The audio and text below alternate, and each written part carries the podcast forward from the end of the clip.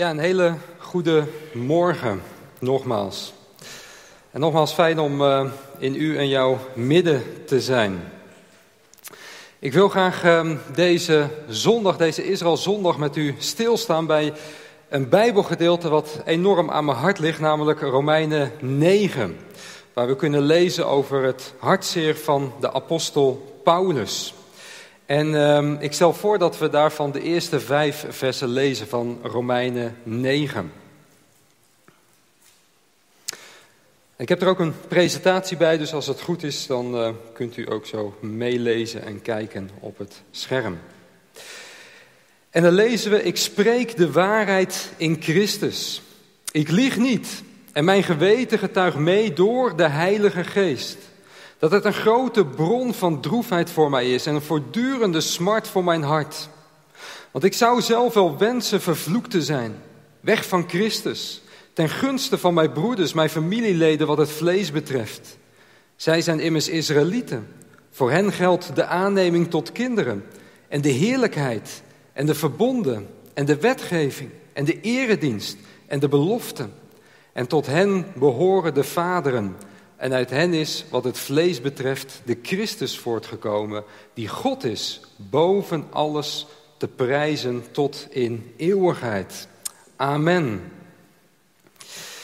Ja, het is allereerst goed om uh, op te merken, hè, als je zo begint te lezen in Romeinen 9 tot en met 11, drie belangrijke hoofdstukken, dat dat geen appendix is. Hè, het is geen bijlage wat er ergens ja, aan vastgeplakt zit en waar je kunt kiezen om dat wel of niet te lezen of te bestuderen.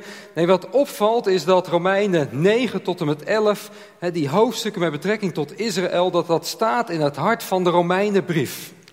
En als je eigenlijk die eerste versen van Romeinen 9 zo doorleest, ja, dan valt het ook op dat dit thema ook echt leeft in het hart van de apostel Paulus. Paulus, hij was, zo in vers 2, diep bedroefd. Hij was hij had een voortdurende pijn in het hart. Waarom, Paulus? Wat is er met je aan de hand? Ik bedoel, jij bent toch degene die schrijft in Filippenzen 4: Verblijd u in de Heer ten alle tijden. Wees in geen ding bezorgd. Wat is er met je aan de hand? Waarom ben je zo verdrietig? Nou, ik weet niet of het u wel eens is opgevallen, maar als je ja, hoofdstuk 8 en hoofdstuk 9 zo naast elkaar legt en ja, je begint te lezen in die laatste woorden van Romeinen 8, dan zie je een enorm groot contrast tussen die laatste woorden van Romeinen 8 en die beginwoorden van Romeinen 9. Bij mij staat er in de herziene statenvertaling het kopje boven meer dan overwinnaars. En dan lezen we, maar in dit alles zijn wij meer dan overwinnaars. Door Hem die ons heeft liefgehad. Want ik ben ervan overtuigd dat nog dood, nog leven, nog engelen, nog overheden, nog krachten, nog tegenwoordige, nog toekomstige, nog hoogte, nog diepte, nog enig ander schepsel ons zal kunnen scheiden van de liefde van God in Christus Jezus onze Heer. Wat een geweldige woorden als je dat op je in laat werken. Wat een geweldige hoop en zekerheid. Juist ook naar zo'n Zo'n donkere week zoals we net gehoord hebben met Henk die om het leven is gekomen. Dat we toch mogen weten, ondanks de pijn, de verdriet die we ervaren, dat we in Christus meer dan overwinnaars zijn. Dat niets ons kan scheiden van die liefde van God, nog dood, nog leven. Nee, ons leven is met Christus verborgen in Gods hand. Wanneer je deze woorden zo op je in laat werken, dan zou je bijna zeggen dat Paulus met zijn lofprijzing eigenlijk is beland in de hoogste hemelen. Niets kan ons scheiden van God, van de liefde van God. Het zijn prachtige woorden. Maar als je vervolgens doorleest in Romeinen 9, dan valt het op dat van het een op het andere moment Paulus diep bedroefd is. Dat hij een voortdurende smart, een voortdurende pijn in zijn hart heeft. Het lijkt wel alsof Paulus van de hoogste hemelen met zijn lofprijzing is beland in de diepste put. Waarom? Omdat veel van zijn eigen Joodse volksgenoten die liefde van God niet kennen. Ja, hoor ik iemand zeggen, maar ja, ik zie toch wel heel vaak dat ze daar heel intens, Joodse mensen, bij de klaarmuur aan het bidden zijn. Als het bar mitzwa is, dat ze één groot feest daarvan maken, kun je dat nou wel zo zeggen? Lieve vrienden, allereerst zien we dat het overgrote gedeelte van het Joodse volk seculier is. Volop in de wereld leeft. En dat de Bijbel heel duidelijk leert hier in Romeinen 8 en 9 dat we Gods grote liefde pas echt kennen door de Messias van Israël. Door wat Hij heeft gedaan op het kruis van Gogota. Uit liefde. In de eerste plaats voor zijn volk, maar ook voor de rest van deze wereld. We lezen in Jezaja 53 het volgende. Hij is om onze overtreding verwond, om onze ongerechtigheden verbrijzeld. En de straf die ons de vrede aanbrengt was op hem. En door zijn striemen is er voor ons genezing gekomen. Daar op het kruis van Gogota, daar kwam Gods liefde voor zijn volk Israël en ook voor ons tot uitdrukking. Door zijn eigen zoon te geven als een losprijs voor zijn volk, als een losprijs voor onze zonden en ongerechtigheden. En Paulus, hij is bewogen met zijn volk omdat hij eigenlijk die grote verandering, die grote omkeer in zijn leven, van, zijn, eh, van het kennen van zijn Messias in zijn leven heeft meegemaakt. We kennen allemaal die bekeringsgeschiedenis van Paulus. We kunnen daar onder andere over lezen in Handelingen 9.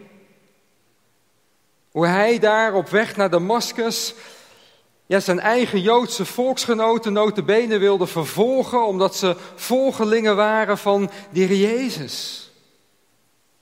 Er is wat dat betreft nog niet veel in Israël veranderd. Want ook vandaag wordt er in Israël worden heel veel Messiaanse Joden vervolgd door de orthodoxie, omdat ze geloven dat de Jezus de Messias is. dat kan heel ver gaan. Heb zelf enkele jaren geleden een Joodse jongen met een ultra-orthodoxe achtergrond mogen begeleiden, die tot geloof was gekomen in de Jezus. Het is ongelooflijk verdrietig om te zien hoe eigenlijk iemand volledig door zijn gemeenschap verstoten wordt. Een overlijdensbericht ging rond. Hij was dood, hij bestond niet meer. Deze jongen die ging door zwaar traumatisch lijden heen. Maar één ding wist hij, dat Jezus de weg, de waarheid en het leven was en is. Heel veel Joodse mensen die tot geloof komen, in bijzonder orthodoxe en ultra-orthodoxe Joden, moeten een enorm hoge prijs betalen als ze geloven dat Heer Jezus de Messias is. Het bijzondere van deze jongen was dat als we dan bijbelstudie deden, dat hij bijna op iedere pagina van de Bijbel zijn Messias ja, herkende. Geweldig om met hem bijbelstudie te doen. Als Paulus over zijn Messias spreekt, dan breekt hij in één grote lofprijzing uit. Als het gaat om zijn eigen volk, dan is hij diep bedroefd. Paulus wil zo graag dat ook zij die waarheid gaan leren kennen. Dat ook zij die vrede gaan ervaren die alle verstand te boven gaat. In vers 3 van Romeinen 9, daar schrijft hij dat hij zelfs wel vervloekt zou willen worden, van Christus gescheiden zou willen zijn als hij daarmee zijn Joodse volksgenoten een stap dichter bij de Messias kan brengen. Paulus die wilde zelfs zo ver gaan dat hij zijn eigen behoud in feite wilde opofferen. Diezelfde hartgesteldheid die vinden we natuurlijk ook bij Mozes.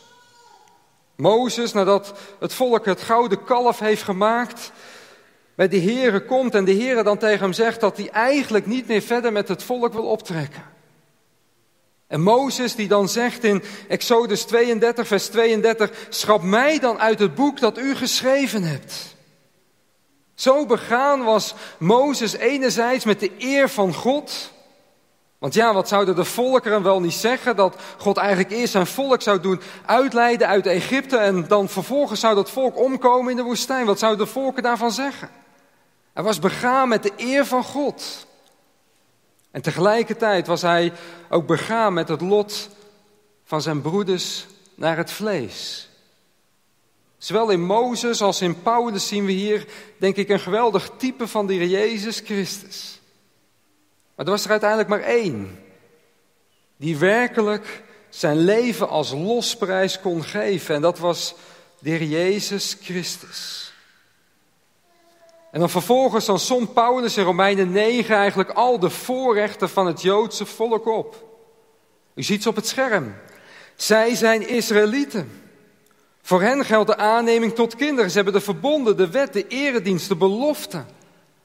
Maar bovenal is, ja, wat het vlees betreft, uit hen de Messias voortgekomen. Dat is de grootste zegen. Voor Israël, maar ook voor de wereld. En eigenlijk als je die voorrechten zo allemaal ja, bekijkt en opsomt, dan zijn dat eigenlijk allemaal stuk voor stuk wegwijzers naar de Messias. De verbonden, de wet, de hele eredienst, oftewel de tempeldienst. Het waren eigenlijk allemaal schaduwbeelden naar iets groters wat komen zou.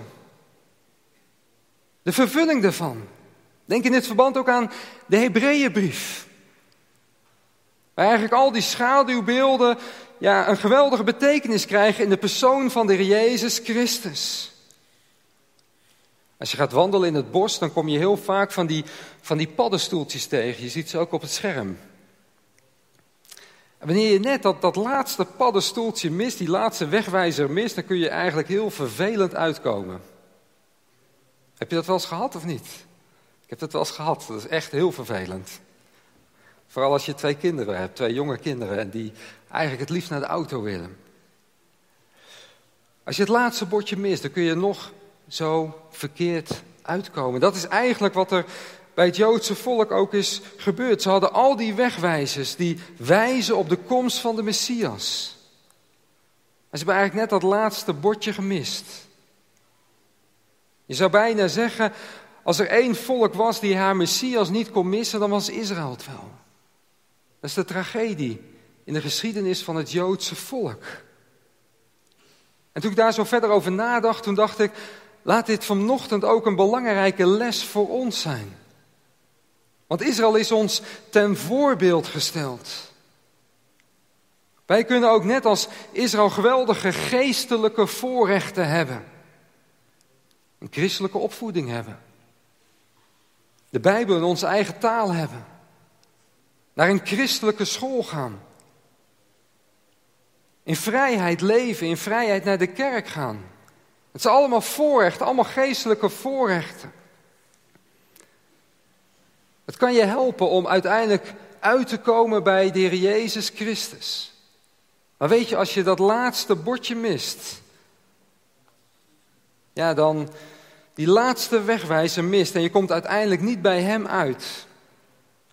En je leert de Heer Jezus niet kennen als je persoonlijke verlosser, dan mis je alles. Dan kun je in je leven eigenlijk een kerkbank verslijten, maar dan heeft het uiteindelijk nergens toe geleid. Paulus, hij had als Jood een geweldige opleiding. Hij had gezeten aan de voeten van Gamaliel. Hij kende iedere wet, iedere eh, inzetting, iedere traditie, Joodse traditie, kende die bij het hart. In Filippenzen 3, daar schrijft hij, maar wat voor mij winst was, dat heb ik om Christus wil als schade beschouwd. Waarom, Paulus? Waarom zeg je dat? Dan zegt hij verderop, opdat ik Christus, oftewel de Messias, mag winnen en in Hem gevonden mag worden. En ik hoop zo, zoals je hier zit, of zoals je op afstand meekijkt, dat je dat leven met de Heer Jezus Christus mag kennen. En niet dat je net als Paulus voor zijn bekering eigenlijk nog ergens winst uit probeert te halen. Je ergens aan vastklampt, waardoor je uiteindelijk eigenlijk dat laatste bordje mist en niet uitkomt bij de Heer Jezus Christus. Waar hou jij je aan vast? Wat denk jij dat deze wereld je te bieden heeft waar je nog winst uit kunt halen? We hebben het afgelopen week gezien. Het kan ook zomaar over en uit zijn. En zo belangrijk dat je in Hem gevonden wordt. Dat je de Jezus Christus mag kennen als je persoonlijke verlosser. Dat je buigt voor het kruis. Als we weer teruggaan naar Romeinen 9, dan vinden we daar dat hartzeer van de apostel Paulus voor het volk Israël. Ik denk een belangrijke vraag ook deze morgen, deze Israëlzondag is, hoe zit het eigenlijk met onze bewogenheid voor Israël? Dan bedoel ik niet dat je vanaf volgende week hier de dienst binnenkomt lopen met een Israël-vlag omgeslagen. Of dat je zegt, weet je, vanaf nu af aan ga ik, als ik een wijntje drink, alleen nog maar Israëlische koosje wijntjes drinken. Nee, dan bedoel ik echt wat Paulus hier zegt. Datzelfde verlangen dat Paulus had, dat het Joodse volk haar Messias leert kennen. En misschien zit je hier wel en denk je, ja joh, Chris moet je luisteren. Paulus was een Jood. Ja, dat is toch ook logisch dat hij zich meer verbonden voelde met het Joodse volk. Nou, laten we dan nog eens teruggaan naar dat eerste vers van Romeinen 9. Laten we dat nog eens op ons inwerken, waar Paulus schrijft, en lees mee op het scherm, ik spreek de waarheid in Christus. Ik lieg niet. En mijn geweten getuigt mee door de Heilige Geest. Met andere woorden, het waren niet Paulus' eigen verlangens die hij voor zijn volk koesterde. Het was niet een blinde liefde voor Israël. Het was niet zomaar een opwelling. Nee, Paulus, hij sprak de waarheid in Christus. En het was de Heilige Geest die daarin meegetuigde. Met andere woorden, door zijn verbondenheid met de Heer Jezus, met zijn Messias, had hij automatisch ook bewogenheid voor het volk van God, het volk Israël. En diezelfde bewogenheid, die zien we natuurlijk ook terug voortdurend bij de Jezus. Zo lezen we Matthäus 9, vers 36. Toen hij, dat is de Jezus, de menigte, en bedenkt dat het hier gaat om Joodse mensen. Want als je dit hoofdstuk zo verder doorleest, dan zie je ook dat de Jezus vervolgens zijn, engelen, of zijn discipelen uitzendt onder de verloren schapen van het huis van Israël, een Joodse menigte. Toen hij hen zag, was hij innerlijk met ontferming bewogen over hen, omdat zij vermoeid en verstrooid waren zoals schapen die geen herder hebben. De Jezus, hij was met innerlijke ontferming bewogen. Toen hij die schare Joodse mensen zag. Waarom? Omdat ze er vermoeid en verstrooid uitzagen. Weet je, tijdens de Bijbelverspreiding ontmoet ik zoveel Joodse mensen die er zo vermoeid en verstrooid uitzien. Vermoeid en verstrooid vanwege het oprukkend antisemitisme. Ik kom soms jonge Israëli's tegen die twee, drie paspoorten hebben. En als je dan doorvraagt van ja, waarom heb je dat dan? Dan is het antwoord van ja, weet je, als het te heet onder mijn voeten wordt, dan kan ik tenminste altijd nog vluchten naar een ander land. Het oprukkend antisemitisme. Maar ook vermoeid. Omdat ze die herder met een hoofdletter niet kennen, de Jezus Christus. We hadden het net over die backpackers die de wereld overgaan. Waarvan velen verstrikt raken in Oosterse religies. In de Kabbalah. In feesten, in drugs. Waar zijn ze naar op zoek? Ja, in feite zijn ze op zoek naar de rust, de vrede en de blijdschap die de Jezus hun kan bieden. Paulus verdriet en bewogenheid voor Israël was ook het verdriet wat de Heer Jezus had en nog altijd heeft over zijn volk Israël. Hoe zit het met onze verbondenheid met Israël? Wat hebben ons deze versen als kerk vandaag de dag te zeggen? Weet je, als ik heel eerlijk ben, heeft het bij mijzelf wel even geduurd voordat ik echt werkelijk liefde en bewogenheid had voor het Joodse volk. Voordat ik pas echt Israël ook de plek gaf in de Bijbel die het heeft. Sterker nog, als ik het woord Israël in eerste instantie hoorde, dan bracht dat heel veel strijd in mijn hart teweeg. En misschien herken je dat wel. En ik zag en ik zie eigenlijk nog steeds vaak twee groepen. Aan de ene kant een groep die eigenlijk helemaal niks met Israël heeft in de kerk. En aan de andere kant een groep die vaak zo ver doorslaat dat ze eigenlijk Israël helemaal op een voetstuk gaan plaatsen. Waarbij je denkt van ja, die balans die is helemaal weg. En weet u, ik zie momenteel al jaren dat eigenlijk die scheiding tussen die twee groepen eigenlijk steeds groter wordt. Dat is verdrietig. Lieve vrienden, God vraagt van ons om bewogenheid te hebben, om liefde te hebben voor het Joodse volk. Hij vraagt niet van ons om ineens Joods te worden of helemaal de Joodse kant, de judaïstische kant op te gaan. Of Israël ineens helemaal op een voetstuk te plaatsen. Blijf evenwichtig, dat is zo belangrijk. Ik heb in eerste instantie zelf Israël in de Bijbel niet zo kunnen plaatsen, terwijl ik me tegelijk ook realiseerde dat het grootste gedeelte van mijn Bijbel over dat volk en dat land gaat. En ik weet dat er veel meer zijn die strijd ervaren als ze Israël horen. Misschien ook wel vanochtend hier in deze zaal of op afstand. Weet je, een van de dingen die ik heb moeten leren is wat onze broeder vanochtend ook al zei: dat heel de Bijbel wel voor ons is, maar heel de Bijbel niet over ons gaat. Heel de Bijbel is wel voor ons, maar heel de Bijbel gaat niet over ons. En een van de dingen die ik heb moeten leren is om de Bijbel niet egocentrisch te lezen.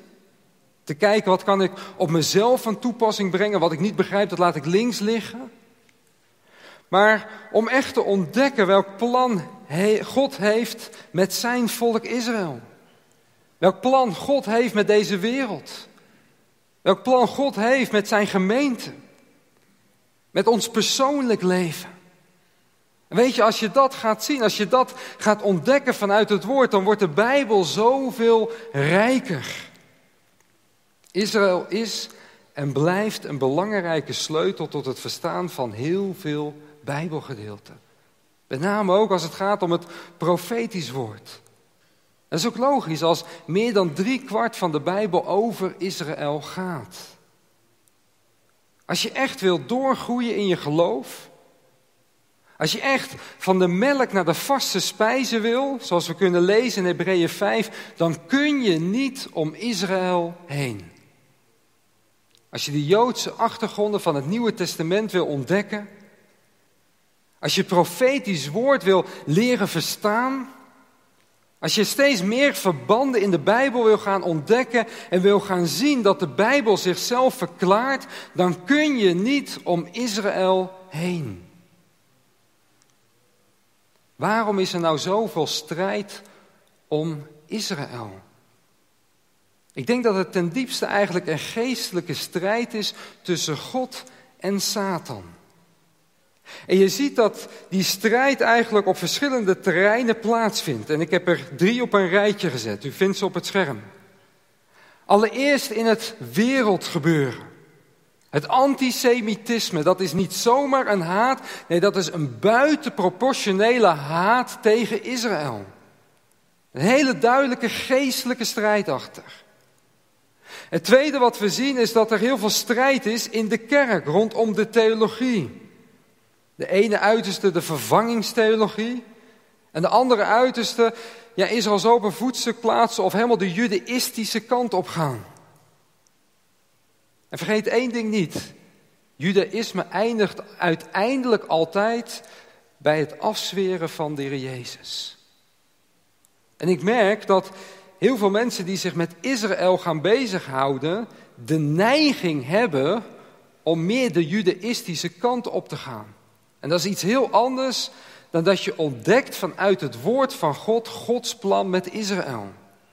Natuurlijk kunnen we veel van het Jodendom leren. Het is belangrijk om dat onderscheid te maken. En het derde wat we zien is dat er een enorme strijd is rondom de waarheid van het evangelie. Stel voor dat Paulus nou vandaag geleefd zou hebben.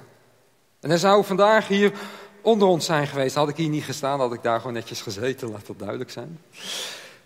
Maar zou Paulus nou nog steeds diep bedroefd zijn geweest als het gaat om zijn volk Israël?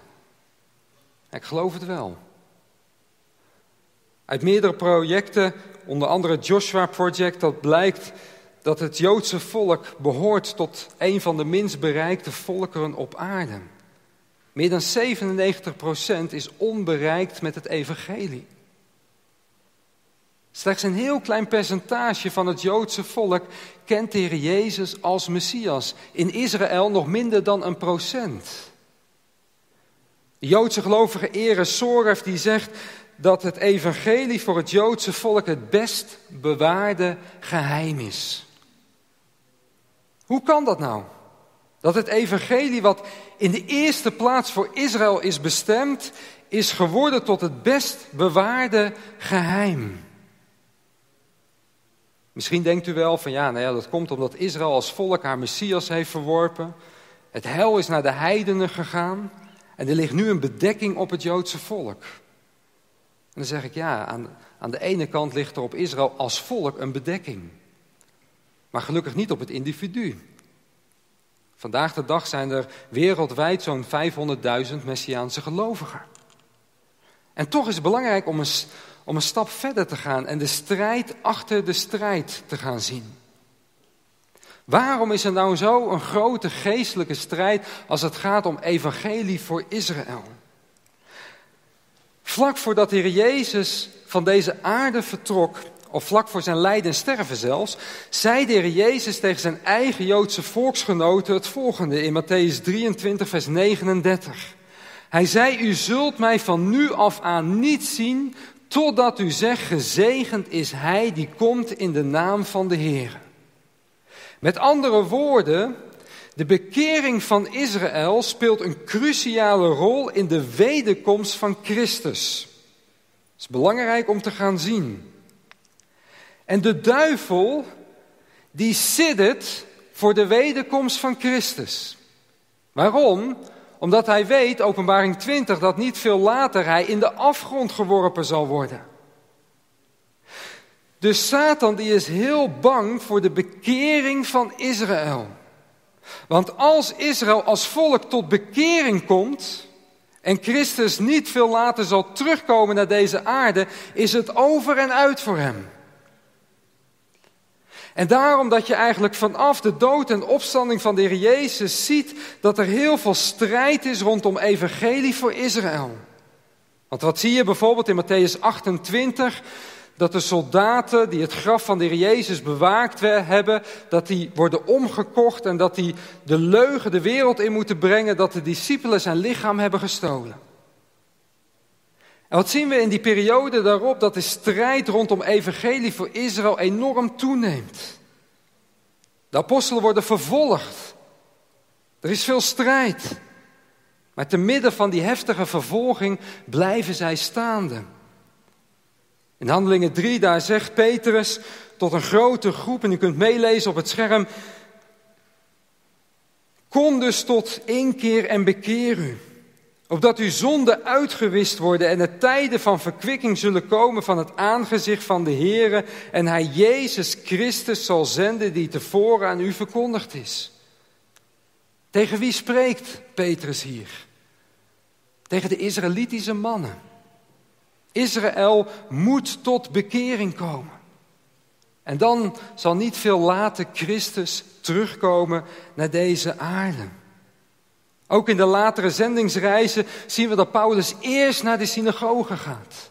Hij verlangde naar de bekering van Israël. Hij verlangde naar de wederkomst van Christus. Maar wat zien we? Het heil gaat naar de heidenen, handelingen 10. En het evangelie verbreidt zich steeds meer onder de heidenen en steeds meer heidenen komen tot geloof. En in de eeuwen die daarop volgden, zien we dat dit leidde uiteindelijk tot grote duisternis. Het christelijk geloof werd van haar Joodse wortels losgerukt. De vervangingstheologie deed zijn intrede. Het christendom werd een staatsgodsdienst van het West-Romeinse Rijk. De paus die nam zogenaamd de plek van Christus in hier op aarde. En Joodse mensen werden ineens weggezet als Christusmoordenaars. En vele eeuwen is dat evangelie onder het Joodse volk verduisterd. Ik ontmoet vandaag de dag heel veel Joodse mensen die een heel verwrongen beeld hebben van het Nieuwe Testament. Denken dat het te maken heeft met de katholieke kerk, met de Maria-cultus. Velen zijn onbekend met het Joodse karakter van het evangelie. En je komt allerlei reacties tegen. Bijvoorbeeld de reactie van die Joodse jongen die ik in Israël ontmoette. En ik zei, wat weet jij over de persoon van de Heer Jezus? En hij zegt, het enige wat ik weet over de Heer Jezus is dat hij 2000 Joden heeft gedood. Ik zeg, hoe kom je daarbij? Ja, dat is me geleerd. En deze jongen die ging met een Nieuw Testament er vandoor om te ontdekken hoe Joods het is. Te ontdekken dat de Heer Jezus juist in de eerste plaats uit liefde voor hem naar deze aarde was gekomen. Er is geen volk in deze wereld dat zo dichtbij, maar tegelijkertijd ook zo ver bij God vandaan staat. Als je sommige Joodse gebeden leest, dan denk je, jullie zijn zo dichtbij. Maar als je sommige gesprekken weer volgt, dan denk je, jullie zijn zo ver bij de Here vandaan. Zo belangrijk dat we met Joodse mensen dat gesprek aangaan. Dat we dit verwrongen beeld wat er nog altijd is, proberen weg te nemen. Door ze dat woord van God te geven. En weet je, na de val van Jeruzalem en de tempel in het jaar 70 zien we dat het Joodse volk verspreid raakte over heel de aarde. En we zien dat het evangelie inderdaad op steeds meer werelddelen toegang kreeg. Over heel de wereld kwamen mensen tot geloof, gelovigen uit de heidenen. Steeds meer levens werden veranderd. In Afrika, Amerika, Europa, Canada, de Aziatische gebieden, overal verspreidt het evangelie zich. Duizenden, honderdduizenden mensen zijn tot geloof gekomen in de Heer Jezus door de eeuwen heen tot op de dag van vandaag. Maar er is slechts een heel klein percentage van het Joodse volk wat haar Messias kent. Wat een verwrongen beeld heeft van wie de Heer Jezus werkelijk is. Is het niet eerlijk als alle andere gelovigen, de wereldwijde gemeente van de Heer Jezus Christus, in het bijzonder bidden voor het Joodse volk? Is het echt zo'n gekke gedachte dat mede door de kerkgeschiedenis we eigenlijk richting het Joodse volk een stapje harder lopen en proberen dat verwrongen beeld wat ze hebben recht te zetten? En wat betreft de toekomst kan het zijn dat Satan juist vooral het gemunt heeft op het Joodse volk, omdat als Israël als volk straks tot bekering komt, de grote dingen op deze aarde staan te gebeuren. Weet je wat Paulus daarover schrijft, over dat moment? Iets heel geweldigs in Romeinen 11. Je kunt het meelezen op het scherm. Daar, leest, daar lezen we dat Paulus schrijft, als dan hun val, Israëls val, voor de wereld rijkdom betekent en hun verlies rijkdom voor de heidenen, hoeveel te meer hun volheid. Weet je, Israël, die maakte een fout door haar Messias te missen. Het heil ging naar de heidenen. Maar door Israëls val kwamen er uiteindelijk miljoenen mensen tot geloof die de God van Israël gingen aanbidden. Ook wij als merendeel gelovigen uit de heidenen dienen de God van Israël. Hun val was rijkdom voor de wereld. Maar daarbij stopt het niet. Want Paulus zegt, hoeveel te meer hun volheid. Dat is nog toekomst. En wat een geweldig moment zal dat zijn. Als Israël als volk het straks goed heeft. en gaat inzien dat Jezus de beloofde Messias is. Als Israël als volk tot bekering komt. Dan schrijft Paulus enkele versen verderop, wat betekent dan hun aanneming anders dan leven uit de doden? Wat een geweldig moment zal dat zijn. Dat Israël vanuit haar dode positie in het leven komt. Maar niet alleen dat, het zal uiteindelijk ook een geweldig getuigenis zijn voor de rest van de wereld. Want Paulus die schrijft dat straks elke knie zich zal buigen in de hemel, op de aarde en ook onder de aarde. En dat begint met de bekering van Israël en de wederkomst van Christus. En daarom zeg ik vanmorgen, de bekering van Israël, het gebed voor Israël en de verspreiding van Gods woord gaat iedere gelovige aan. Want hoe zullen ze hem aanroepen van wie zij niet, in wie zij niet geloven? En hoe zullen ze in hem geloven als zij niet van hem gehoord hebben? Tot slot. Weet je, in de 18e en 19e eeuw kwamen er heel veel Joodse mensen tot geloof. Heel veel van die bekende namen als Adolf Savir, David Barron, misschien heb je er wel eens van gehoord. Heel veel Joodse mensen kwamen in de 18e en de 19e eeuw tot geloof. Een tijd terug heb ik me daar in die periode meer verdiept. En weet je wat me opviel? Twee dingen. De verspreiding van Gods woord nam een cruciale plek in en gebed. En weet je, er was één familie, familie ten boom, je ziet ze op het scherm, die honderd jaar lang bad voor het Joodse volk. Ze hadden een gebedsgroep. En ze begonnen daarmee honderd jaar voordat de Tweede Wereldoorlog uitbrak. Gericht bidden voor de bekering van Israël. Gericht bidden voor het Joodse volk. En weet je, toen de Tweede Wereldoorlog daar was, heeft God in bijzonder familie Boom daarvoor te gebruikt. Want de Heer die had iets in hun leven, in hun hart geplant. Liefde voor Israël, door die bijeenkomsten heen. Hij gebruikte in het bijzonder deze familie. En weet je, we leven in de opmaat naar de eindtijd toe. Het antisemitisme neemt enorm toe. En er zal voor Israël nog een hele moeilijke tijd aanbreken in de toekomst. Dat leert de Bijbel. Weet je waar God naar op zoek is? Naar biddende Corrie ten Booms. Mensen die liefde en bewogenheid hebben voor het Joodse volk. Ik wil afsluiten met een tekst uit Romeinen 12, vers 2. Waar Paulus schrijft nadat hij net Romeinen 9 tot en met 11 heeft behandeld, Gods plan met Israël, dan schrijft hij uiteindelijk in Romeinen 12, vers 2, en wordt niet gelijkvormig aan deze wereld, maar wordt hervormd door de vernieuwing in uw denken, opdat gij moogt erkennen wat de wil van God is, het goede, welgevallige en het volkomene. Paulus, hij roept ons op om vernieuwd te worden in ons denken. Dat gaat over alles wat we vanuit het woord onderzoeken. Maar misschien zijn er vanochtend ook wel ja, gedachten voorbij gekomen met betrekking tot Israël, wat misschien in eerste instantie strijd oproept.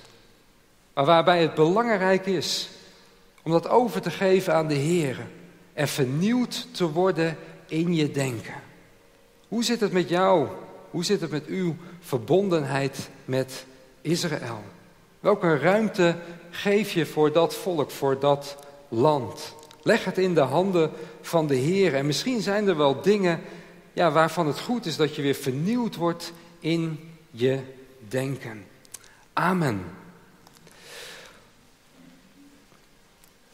Tot slot, om dat ook praktisch vorm te geven, wil ik u graag wijzen ook van ja, hoe kan ik nou gericht bidden voor het Joods volk? Die vraag krijg ik heel vaak.